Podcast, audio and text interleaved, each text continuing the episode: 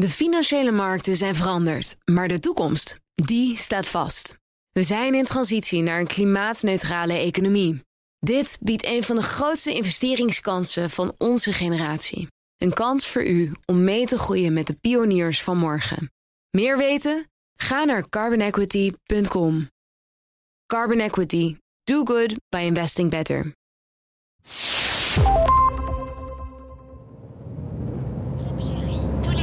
Soirs de 22h à minuit.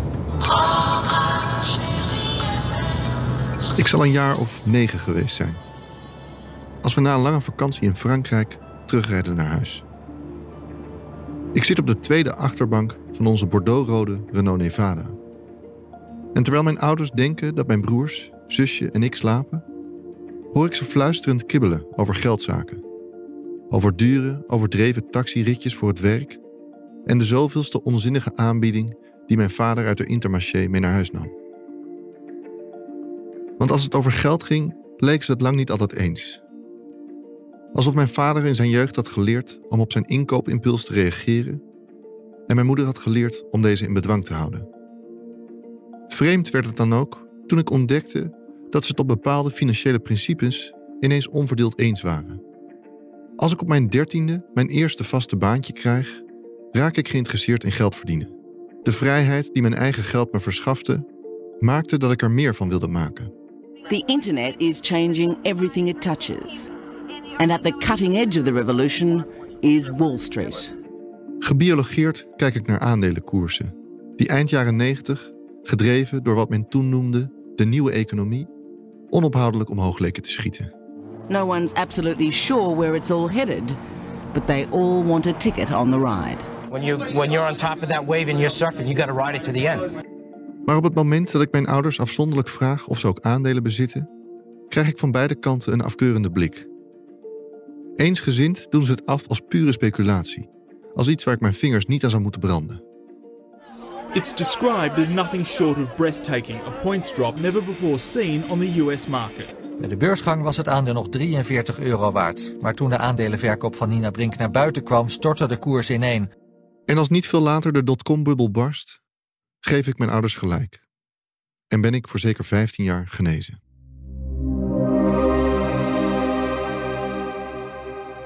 Dit is Het Nieuwe Geld. Een podcastserie van mij, Ryan Prakke, gesponsord door Bitonic, het oudste bitcoinbedrijf van Nederland.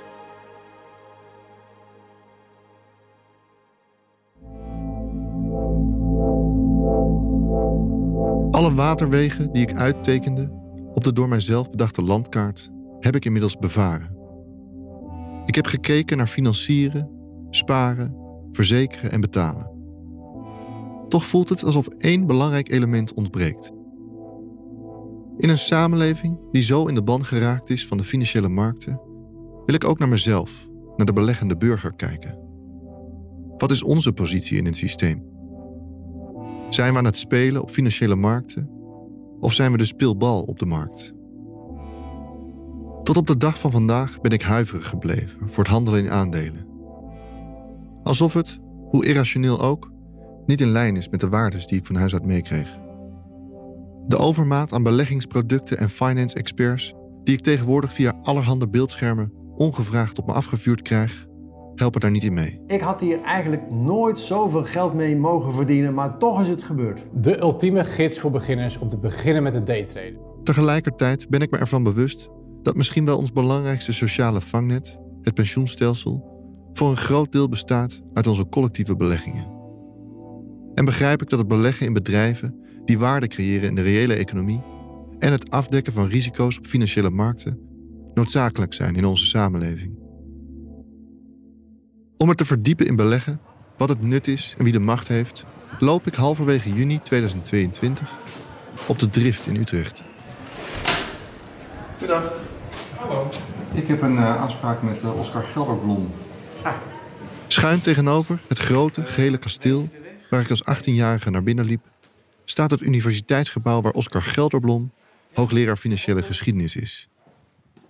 Hij is gespecialiseerd in de uitgaves van huishoudens door de geschiedenis heen. En ik ben hem op het spoor gekomen door een van de hoorcolleges die online van hem te vinden zijn. Ik wil met hem in gesprek om meer gevoel te krijgen. Met wat beleggen ooit was en wat het inmiddels is geworden. Hallo. Hoi. Oscar. Ja, Jan. Hoi. Eh, wij zijn bijna klaar. Dus Prima, als ik je nog... tuurlijk, twee- tuurlijk, neem je tijd, neem je tijd. Een buitengewoon zachtaardige man doet open. En na enkele minuten wachten neem ik plaats in zijn piepkleine werkkamer. Laten we even beginnen bij het begin.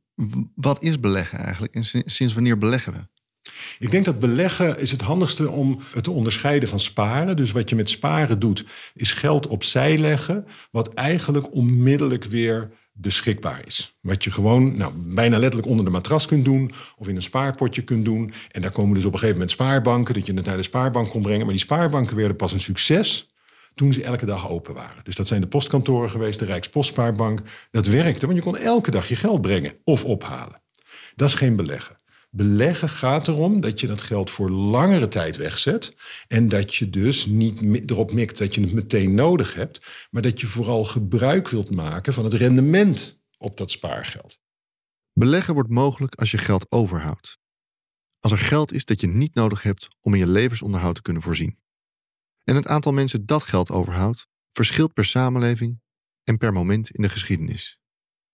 Elke samenleving waar er mensen zijn die hoge inkomens verdienen, inkomens waar geld van overblijft, ook al consumeren ze heel veel, die mensen zullen dat geld opzij zetten. En die, leggen dat, die stoppen dat heus niet allemaal in een pot met gouden munten.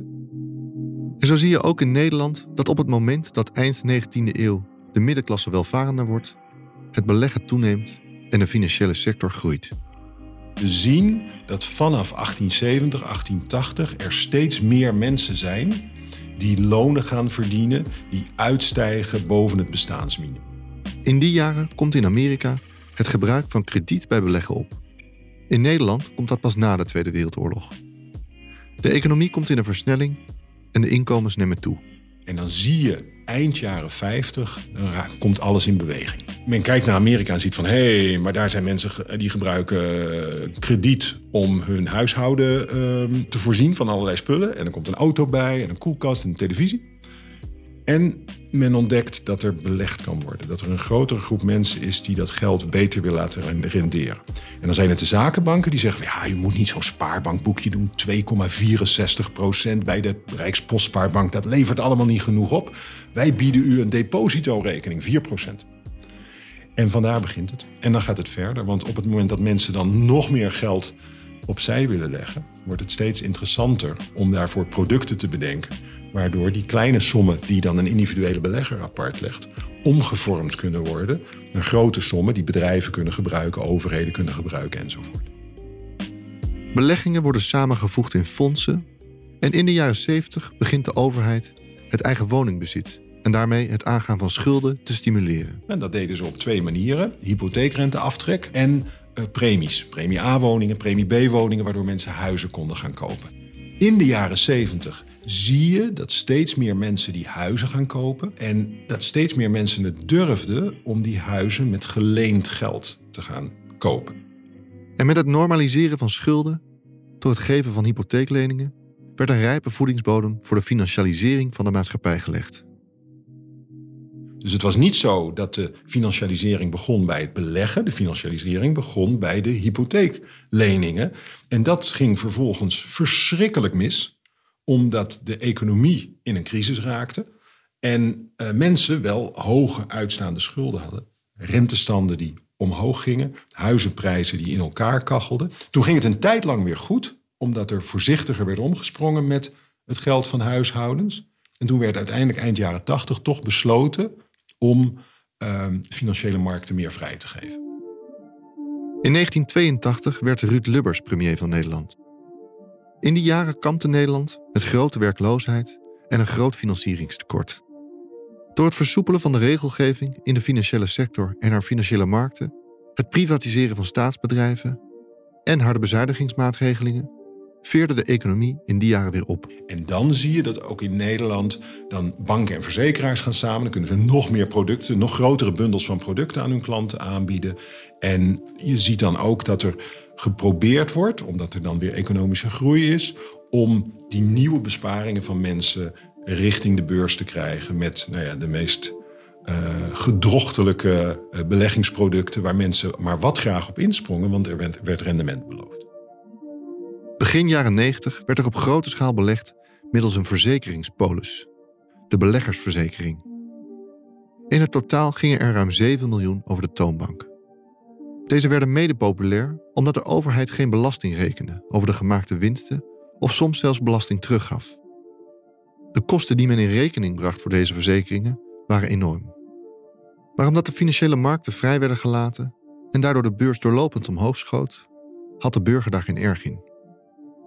Pas op het moment dat begin 2000 de dotcom-bubbel barst, werd iedereen duidelijk hoeveel de verzekeraars vroegen voor het beheer van de Woekerpolis. En naast de beleggingsverzekeringen werden de burgers ook nog vele andere financiële producten voorgehouden. Zo werd de burger in de middenklasse in de jaren 90 steeds vaker ook een belegger. Technologische vooruitgang zorgde er vervolgens voor dat de drempel om te beleggen ook significant lager werd. Beleggen werd genormaliseerd. Het werd een volksaspect.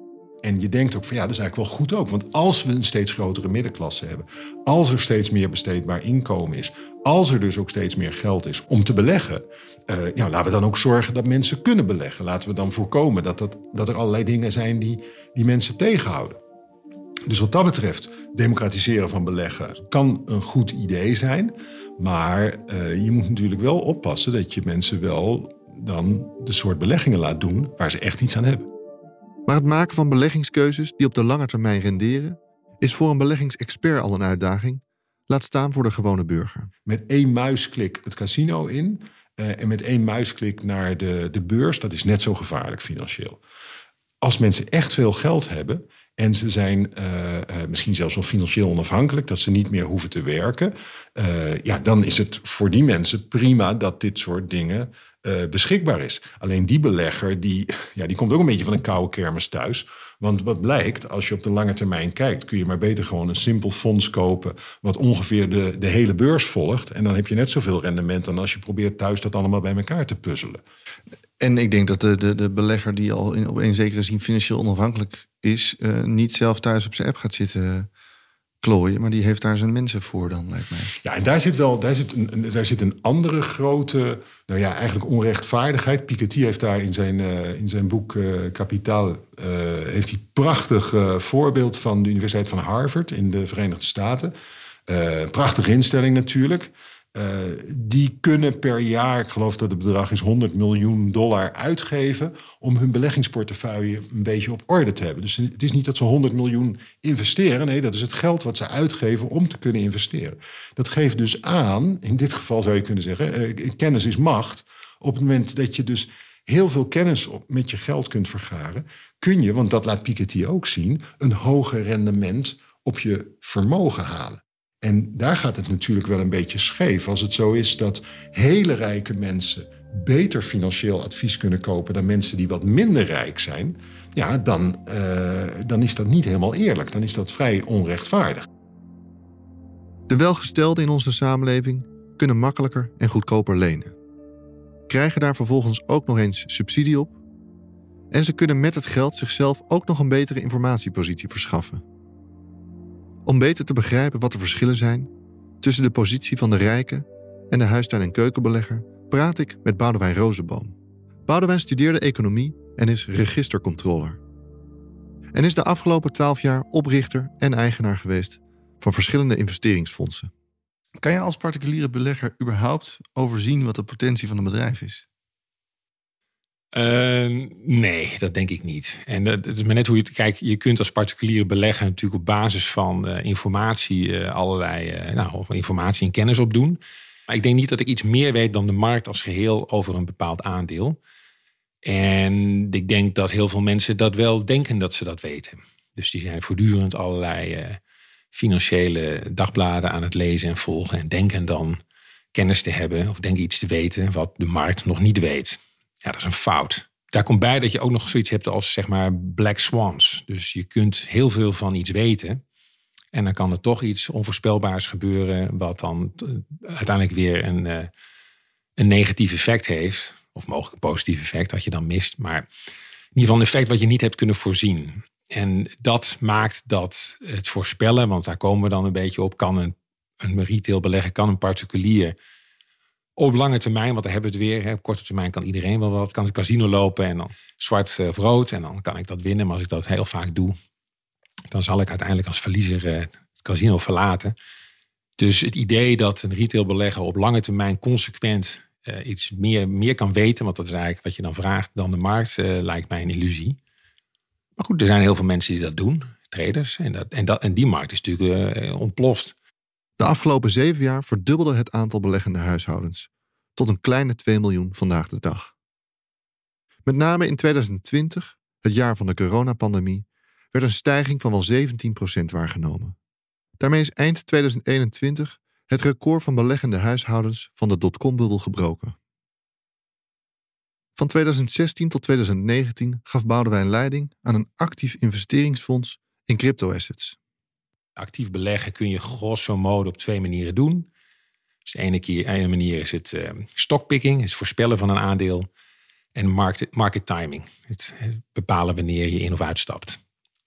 En dat kun je dan weer opknippen in duizenden en één verschillende manieren. Maar daar komt het dan feitelijk op neer. Nou, wij deden dan zeg maar het stockpicking. Op basis van wat dan heel zo mooi heet de fundamenten. Dus wij dachten met ons team meer kennis te hebben dan de markt. En weet je, misschien hadden we dat ook wel. Dus het kan best zo zijn dat je meer weet dan de markt. Maar dat stapje om dat, dan ook nog om te zetten in een hoger rendement, dat zijn twee hele verschillende dingen. Je zou kunnen zeggen, in die cryptomarkt is wat inefficiënter. Hè, zit je soms wat dichter bij het vuur, in de know, zoals dat zo mooi heet. En uh, nou, misschien weet je ook wel meer. Maar dat kan ook weer leiden tot een bias. Dus dat je keuzes maakt en dat je daarbij minder prudent bent dan je buurman. Hè? Dat je hogere risico's gaat nemen, die dan uiteindelijk ook weer negatief uitpakken. Dus um, ja, hand in eigen boezem. Dat, dat idee dat je dus met kennis het beter dan, kan doen dan de markt, dat is een. Um, ja, dat ziet er op papier, uh, klinkt dat heel logisch, maar dat uh, is in praktijk een hele, hele zware kluif. Zo niet onmogelijk. En wat je in die financiële sector dus ziet, is dat iedereen probeert elkaar de tent uit te vechten om een relatief beter rendement te krijgen dan de buurman. Maar dat is een zero-sum game. Uiteindelijk is er maar één, nou noem het een, zwembad, hoe je het noemen wil. Daar moet het uitkomen met z'n allen. Dus jouw winst is mijn verlies en andersom. Dus dan zie je dus dat die, een hele grote groep van hoogopgeleide, intelligente mensen eigenlijk iets aan het doen zijn waar je als, als, als maatschappij als geheel uh, nou ja, relatief weinig uh, vruchten van plukt. En als je er zo over nadenkt, uh, ja, dan zou je dus kunnen zeggen, als we dat anders inrichten, dan kunnen we die, die competenties ook aanwenden voor andere dingen. Die mensen kunnen ook geneeskunde studeren of bruggen bouwen. Dat is wel een manier om er naar te kijken. In de afgelopen jaren verruilde Boudewijn zijn actieve investeringsfonds voor een passief investeringsfonds. Omdat hij het passieve handelen met geld van anderen eerlijker en verstandiger begon te vinden. Dat is eigenlijk ook wat je als indexbelegger dan dus doet. Ja, dan kunnen alle analisten naar huis in feite. En dan eh, gaan we gewoon de markt volgen. Is niet zaligmakend, hè? geef ik meteen toe. Maar dat zou voor een groot deel van, zeker de retailpopulatie, zou dat wel de verstandigste manier zijn. Maar wat verstandig is, is niet altijd de meest opwindende manier, weet ik ook uit eigen ervaring. Dus gaat het onderaan de streep over je motivatie om te handelen. Is die speculatief van aard of probeer je echt vermogen op te bouwen voor later? Het lijken wat mij betreft twee onverenigbare dingen. Ik heb dan ook niet zoveel moeite met speculatief gedrag. Ik snap de lol, de uitdaging. Maar zodra het wordt verpakt als een verstandig besluit, begint het bij mij te schuren. Het is daarom dat ik, denk ik, in de tijd de cryptomarkt makkelijker vond om in te stappen. Omdat ik snapte dat ik aan het gokken was. En bij veel aanbieders van aandelen juist het idee kreeg dat ze me wilden overhalen om een verstandig besluit bij mijn spaargeld te nemen. Om te begrijpen hoe vermogenden verstandig met hun geld omgaan, begin ik met te verdiepen in de tussenpersonen, zoals hedgefunds en vermogensbeheerders, die ze hier meestal voor inschakelen. Ook kreeg ik een rondleiding van Pim Bertens. Pim is als oud-beurshandelaar een van de oprichters geweest van de Binkbank. De online beleggersbank die begin jaren 2000 de markt voor particuliere beleggers openbrak. En na de verkoop van zijn aandelen is hij een hedgefund gestart. Dat kantoor houdt bovenin het beursgebouw in Amsterdam. Hoe is dat in de tijd gegaan? Dat je, jij bent Binkbank begonnen samen met anderen, toch? Ja, met Carlo Cherry en Hanneke. Was jij dan heel duidelijk zeg maar, de man van de beursvloer? Ja, ik zat echt op de beursvloer. Hanneke zat op kantoor. Ja. Had contact met alle grote, grote banken.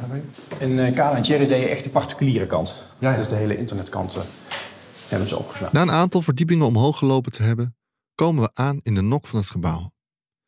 In een lange hal zie ik verschillende grote en kleine ruimtes. En in eerste instantie lijkt ik binnen te lopen in een doorsnee bedrijf. Hier hebben we, dit zeg maar, Investor Relations zit achterin. Ja. Uh, hier zit uh, eigenlijk alles wat ondersteunt. Dus juristen we zijn inmiddels een miljard groot. Ja. We maken iets van 600 rapportages voor de AFM en voor de DNB per jaar. Ja, dat moet allemaal intern hier gebeuren. En dit zijn, oh, hier zitten alle handelaren? Nee, nee, nee. Okay, okay. Dit is echt ondersteunend alleen. Oh, dit is allemaal ondersteunend, ja, ja. En dan lopen we door naar de dealing room. Nou, hier hebben we dit dan de dealing room. Ja, ja, ja. Ik kom binnen in een ruimte vol met mensen. Die elk zitten achter zes tot acht gigantische schermen. En uh, hier zitten we nu met, uh, ja, ik denk aan de handelaar iets van tegen de 30 zal zijn. En uh, 15 ondersteunend. Was het op de beursvloer zelf rustiger dan ik me had voorgesteld, is het hier een stuk hectischer. Mensen lopen door elkaar van scherm naar scherm. Teams van drie of vier man staan te overleggen bij de muren van flatscreens. Er zijn multi-strategies, we hebben verschillende soorten strategieën. Ja. Uh, iedere groepje zijn eigen specialisatie heeft en zijn strategie heeft. Maar ze haken wel allemaal in elkaar. Dus dit zijn uh, overwegend heel hoog opgeleide ja. mensen, toch? Ja, klopt. De econometrie, uh, maar sommige ook politicologie, maar vaak uh, allemaal wel universitair. we hebben er wel de harde kern, is echt van de oude beursvloer. Je kunt natuurlijk ontzettend goed kunnen analyseren, maar je, je, moet ook een soort handelskog nog ergens hebben. Want als je alles overanalyseert, is je, is je kans in je treep weg. Op een gegeven moment heb je het gevoel van, nou, dit is gewoon een 80-20 goede deal, die moeten we doen. Terwijl dan degene die te veel wil nadenken, die wil er 90-10 van maken. Het hedgefund van PIM is vooral bezig met arbitrage. Bij arbitrage kijkt men naar prijsverschillen van hetzelfde effect op verschillende beurzen. En het verschil in die prijs is de winst voor het hedgefund. En deze verschillen zijn er in een stijgende en een dalende markt. wij noemen onszelf ook meer een absolute return fund. Dus wij willen gewoon in elke marktomstandigheid willen we een positief rendement draaien. Maar wil niet iedereen dat? Uh, nee, want als jij een marktvolger bent, zoals het dan heet. Ja, als de markt dit jaar 15% omlaag gaat, dan kun je bijna niet in de plus staan. Dus dan wil je het wel beter doen dan de markt. Maar dan ga je wel met de golven van de markt mee. En wij uh, zijn echt niet geïnteresseerd eigenlijk wat de beurs gaat doen. Of je nou omhoog of omlaag, daar hebben we geen mening over. Wij kijken echt naar onevenwichtigheden in, de, in de, met name de, de verschillende soorten markten. Alle trades en trade-ideeën worden wiskundig getoetst. En ondertussen wordt al het wereldnieuws dat mogelijk op de trades van toepassing is, real-time bijgehouden. Dat is het Bloomberg-systeem, zeg maar. Dit, is de, de, de... Dit systeem kost rond, rond het, denk 2.500 dollar per terminal per maand. Dus het kost 30k en die hebben iets van 19. En dan hebben we nog risk management systemen die constant per seconde bekijken van hoe de positie is. We hebben iets van 700 posities, misschien wel, misschien wel 3000 lijnen eronder. Die bewegen allemaal. Dat wordt allemaal automatisch wel bijgehouden dat als er ergens iets gebeurt dat we dat zien, zeg maar. Ja, ja, ja, ja. En daar dringt voor het eerst een beetje door hoe nietig mijn positie als particuliere belegger is. We nemen vervolgens plaats in een lege ruimte, die ze in verband met hun uitbreiding er net bij hebben getrokken. Kan je maar uitleggen, wat is uh, in essentie het verschil tussen een vermogensbeheerder en een uh, hedgefund? Nou, een vermogensbeheerder is uh, eigenlijk een heel traditioneel vehikel. Die hebben eigenlijk een, een, systeem dat ze zeggen: we gaan een stukje in aandelen beleggen, een stukje in obligaties en een stukje in alternatieve beleggingen. Kijk heel goed naar jouw leeftijd. Ben je heel oud, moet je minder aandelen hebben. Uh, ben je jong, mag je meer aandelen hebben. Daar zit eigenlijk een soort matrix in. Er gebeurt ook heel veel bijna automatisch. En uh, een, een vermogensbeheerder, dat zijn marktvolgers. Een marktvolger betekent de AX is dit jaar min 15, maar wij doen min 14, dus we hebben het goed gedaan. Dat is een vermogensbeheerder. Een, een hedge fund is eigenlijk een, een, uh, een zak met geld die mensen hebben ingelegd, vaak grotere vermogende mensen.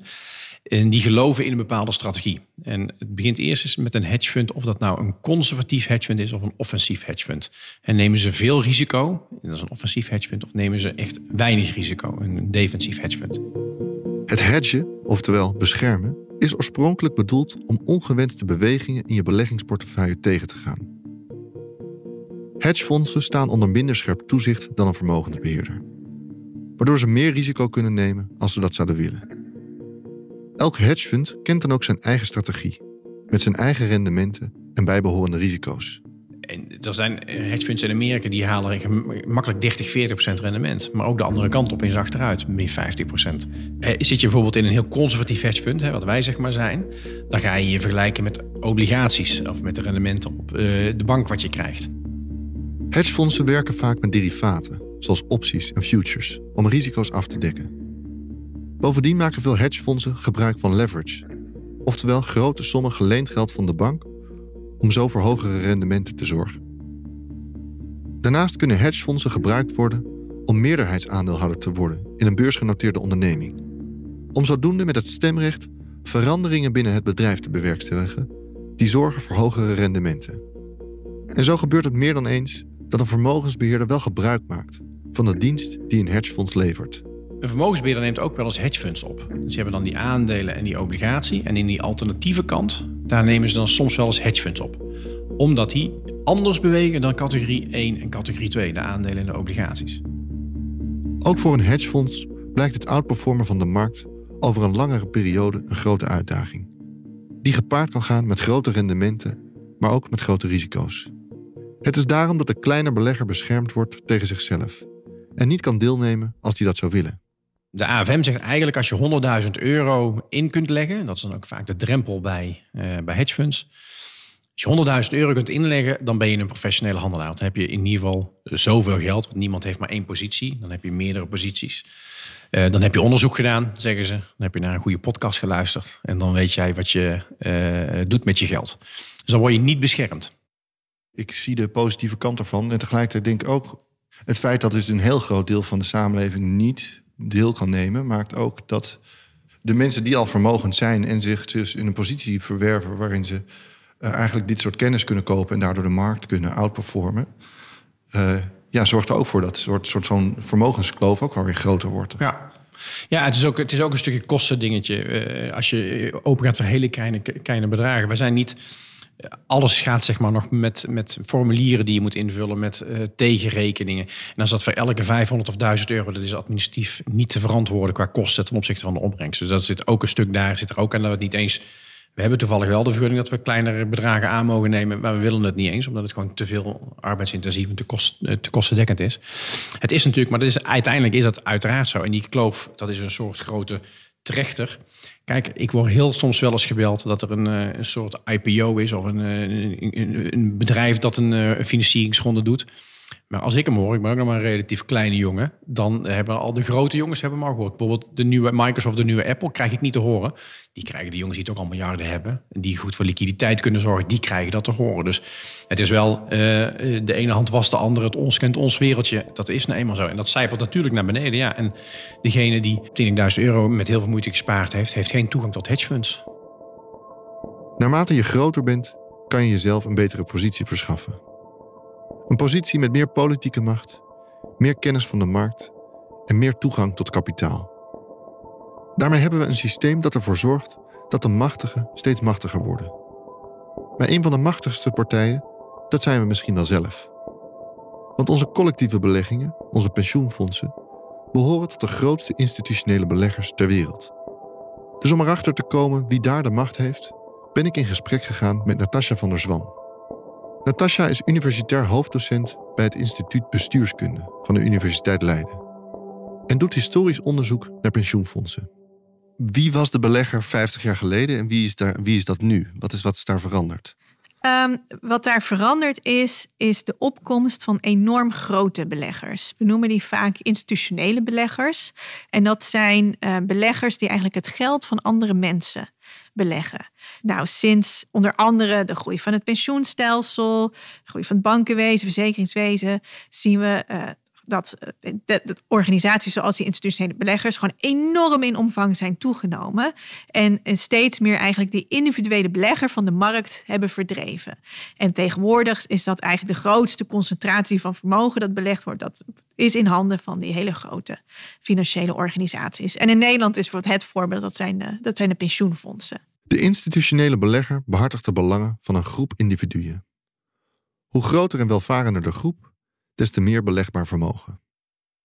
En de opkomst van deze machtige partijen, die in naam van ons opereren, hebben zowel positieve als negatieve kanten. als uh, werknemer die sinds de opbouw van de verzorgingsstaat in Nederland na de Tweede Wereldoorlog uh, een pensioen erbij heeft gekregen via de, werkgever. Dat pensioen is ook steeds genereuzer geworden. ja, voor die werknemer is het natuurlijk wel heel fijn dat er die pensioenfondsen zijn om dat, dat spaargeld te beleggen en hopelijk naar verwachting ook te laten groeien. Uh, van een ander perspectief is het misschien helemaal niet zo prettig. We kunnen de huurder erbij pakken, die de laatste jaren eigenlijk ook vanuit die, uit die markt is verdreven. Omdat grote institutionele beleggers, zoals pensioenfondsen bijvoorbeeld, steeds vaker huurwoningen opkopen. En vervolgens tegen een, een hogere huurprijs weer, weer in de markt zetten. En het lastige natuurlijk is, is dat wij als individuen vaak heel verschillende rollen in ons leven tegelijkertijd opnemen. Dus wij kunnen tegelijkertijd uh, een mens zijn die zo'n pensioenregeling heeft en daar voordeel uittrekt uit het beleggen. Maar we kunnen ook de huurder zijn die daar vervolgens alweer last van heeft. En dat maakt dat financialisering nou zo complex. Een pensioenfonds beheert geld namens een grote groep in de samenleving. Daarmee dienen ze een maatschappelijk belang. En dat maakt dat je in veel gevallen anders gaat investeren dan een regulier fonds. Ze hebben bijvoorbeeld in het verleden in Nederland uh, uh, ziekenhuizen gefinancierd, school, schoolgebouwen neergezet, hele woonwijken gefinancierd, waar we nu gewoon allemaal nog steeds in wonen. En uh, dat noemen we soms ook wel het dubbele dividend. dus het dividend dat je verdient op ja, een aandeel of een obligatie, maar ook het maatschappelijke dividend dat je creëert door juist te beleggen in, uh, ja, in doeleinden die ja, maatschappelijk nut hebben. Dus als we als pensioenfondsen zoiets doen en blijven beleggen uh, in zaken die voor de maatschappij een soort extra nut hebben, dan vind ik dat eigenlijk wel best wel heel erg mooi.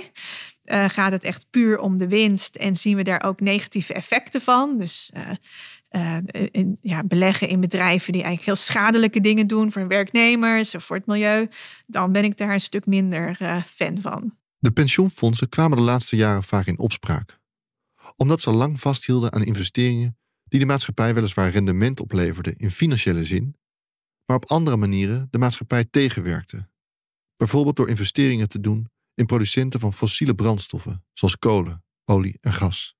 Maar wat zo lastig is, is hoe je er precies achter komt. Wat nu precies in het uh, belang is van de deelnemer. Want bij veel fondsen uh, hoeft dat deelnemerbestand ook niet helemaal homogeen te zijn. Dat hangt heel, heel erg van af hoe deelnemers zijn vertegenwoordigd binnen pensioenfondsen. En hoe wordt dat vervolgens ook vertaald naar de beleggingen toe. Want een pensioenfonds tegenwoordig besteedt dat gewoon uit aan, uh, vermogensbeheerders en andere partijen. Oh, echt? Ja, dus er is ook een stukje uh, afstand tussen een pensioenfonds en de beleggingen die ze doen. En het hangt heel erg af van hoeveel controle dat fonds kan behouden over de beleggingen die door een andere partij uh, in hun naam wordt, wordt gedaan. En waarom besteden ze dat uit? Dat heeft onder andere te maken ook met capaciteit en kosten. Dus als jij eh, je beleggingen in-house wilt houden, dan moet je dus ook een beleggingsafdeling hebben met mensen die daarin getraind zijn. En dat is uh, met name ook voor veel kleine pensioenfondsen. Is dat gewoon heel kostbaar en eigenlijk niet te doen. Dus dan, uh, dan huren ze een vermogensbeheerder of meerdere vermogensbeheerders in. En met het uitbesteden van beleggingen naar vermogensbeheerders verschuift tegelijkertijd ook een deel van de macht. Wereldwijd gezien zijn er slechts een aantal ondernemers, we spreken vaak over de grote drie, die eigenlijk die uh, markt van het vermogensbeheer in handen hebben. En die dus eigenlijk uh, zeer substantiële eigendommen hebben in alle bedrijven, beursgenoteerde bedrijven ter wereld. En dat is een ander heel uh, belangrijk aspect van financialisering. Die macht van dat soort ondernemingen die eigenlijk, we noemen ze universeel eigendom hebben. Dus ze hebben alles in eigendom. Binnen de wereld van vermogensbeheerders is de macht gecentraliseerd bij drie grote spelers: BlackRock, Vanguard en State Street. Tezamen beheren zij een vermogen van meer dan 20.000 miljard euro. Als wereldwijd pensioenfondsen hun beleggingen aan hen uitbesteden, ligt een groot deel van de macht bij de grote drie. En pensioenfondsen investeren bij deze drie omdat de kans op rendement bij de grootste partijen nou eenmaal het grootst is. Die hebben de meeste kennis en de best betaalde krachten. Maar met die machtsverschuiving vervalt een groot deel van de controle die je als pensioenfonds hebt over het dienen van het maatschappelijk belang. Als je bijvoorbeeld ook denkt aan uh, klimaatproblematiek, die nu bij, ook bij heel veel beleggers op de agenda staat. Uh, bijvoorbeeld bij pensioenfondsen, die zijn er ook wel echt mee bezig. De, dan kan het heel frustrerend zijn dat zo'n vermogensbeheerder, BlackRock, gewoon standaard tegen klimaatresoluties stemt op aandeelhoudersvergaderingen. Terwijl het eigenlijk wel wellicht wel het, jouw eigen vermogen is van zo'n fonds dat daar belegd wordt. Is, is dat wat jou betreft een van de grotere problemen, de macht van de vermogensbeheerder? Ja, de macht en de kosten. Als we bijvoorbeeld weer kijken naar pensioen, dat is een sociale voorziening en een financieel product, dat je daarmee en dat pensioen duurder maakt. Dus mensen houden minder over voor een oude dagvoorziening. En dat je daarmee als fonds ook eh, een groot gedeelte van de controle over dat pensioenvermogen verliest omdat uh, ja, je hebt het over ongelijke grootheden. Hè? Je hebt uh, als relatief klein fonds sta je tegenover een enorme vermogensbeheerder. Die van alles meer heeft. meer, meer mensen in dienst, meer middelen. En probeer daar dan maar eens tegen op te boksen. Door de hele beleggingsketen heen boksen partijen op tegen de partij die boven hen in de piramide staat. Zo worden we steeds afhankelijker van de grootste spelers die door de werking van het financiële systeem doorlopend hun macht weten te vergroten. Zorgt het feit dat we dat zo uh, geregeld hebben en dat het zo belangrijk is geworden in Nederland ook dat we zeg maar, collectief veel afhankelijker zijn geworden van de financiële markten? Ja, zeker.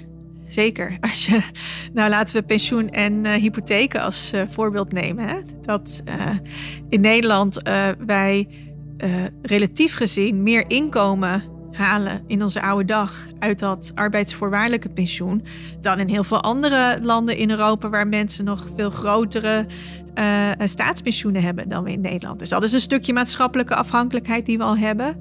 In Nederland worden huizen ook uh, veel gefinancierd door hypotheken waar we afhankelijk van zijn geworden.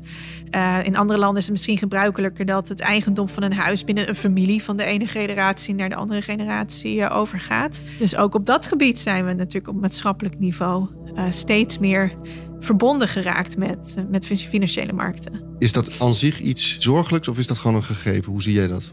Het, het is nooit een gegeven de status quo, ik, tenminste, ik ben van mening dat je de status quo kan altijd veranderen. En ook juist omdat we weten dat in andere landen ter wereld, dat het bij onze buurlanden bijvoorbeeld al heel erg anders geregeld is dan bij ons, maakt al duidelijk dat er best wel alternatieve wegen te bewandelen zijn.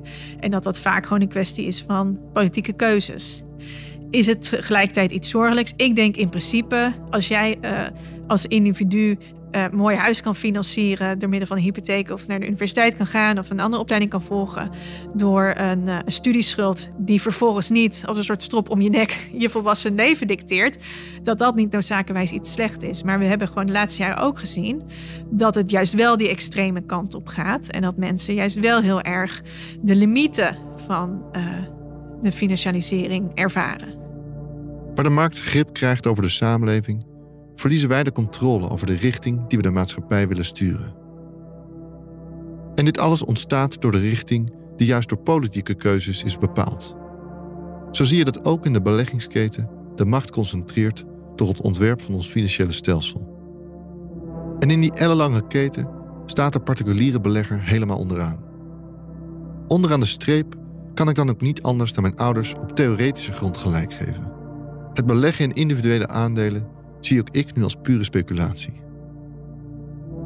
Maar niets is zwart-wit, want tegelijkertijd kent de motor van mijn hele monetaire en financiële zoektocht een louter speculatief begin. Een rit die me zo gigantisch veel geleerd heeft dat ik het voor geen goud had willen missen.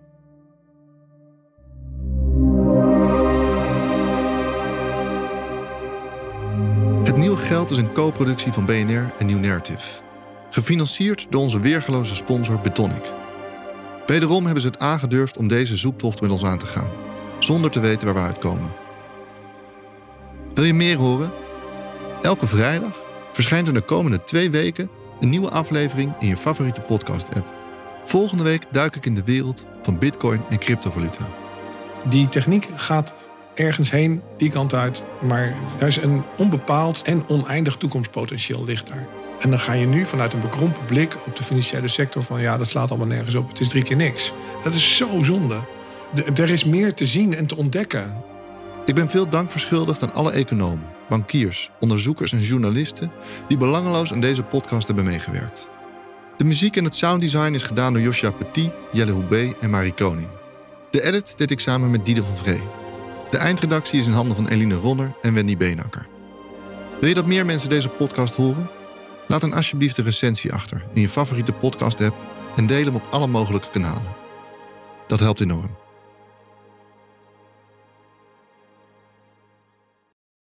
De financiële markten zijn veranderd, maar de toekomst, die staat vast. We zijn in transitie naar een klimaatneutrale economie. Dit biedt een van de grootste investeringskansen van onze generatie. Een kans voor u om mee te groeien met de klimaatoplossingen van morgen. Meer weten? Ga naar carbonequity.com. Carbon Equity. Do good by investing better.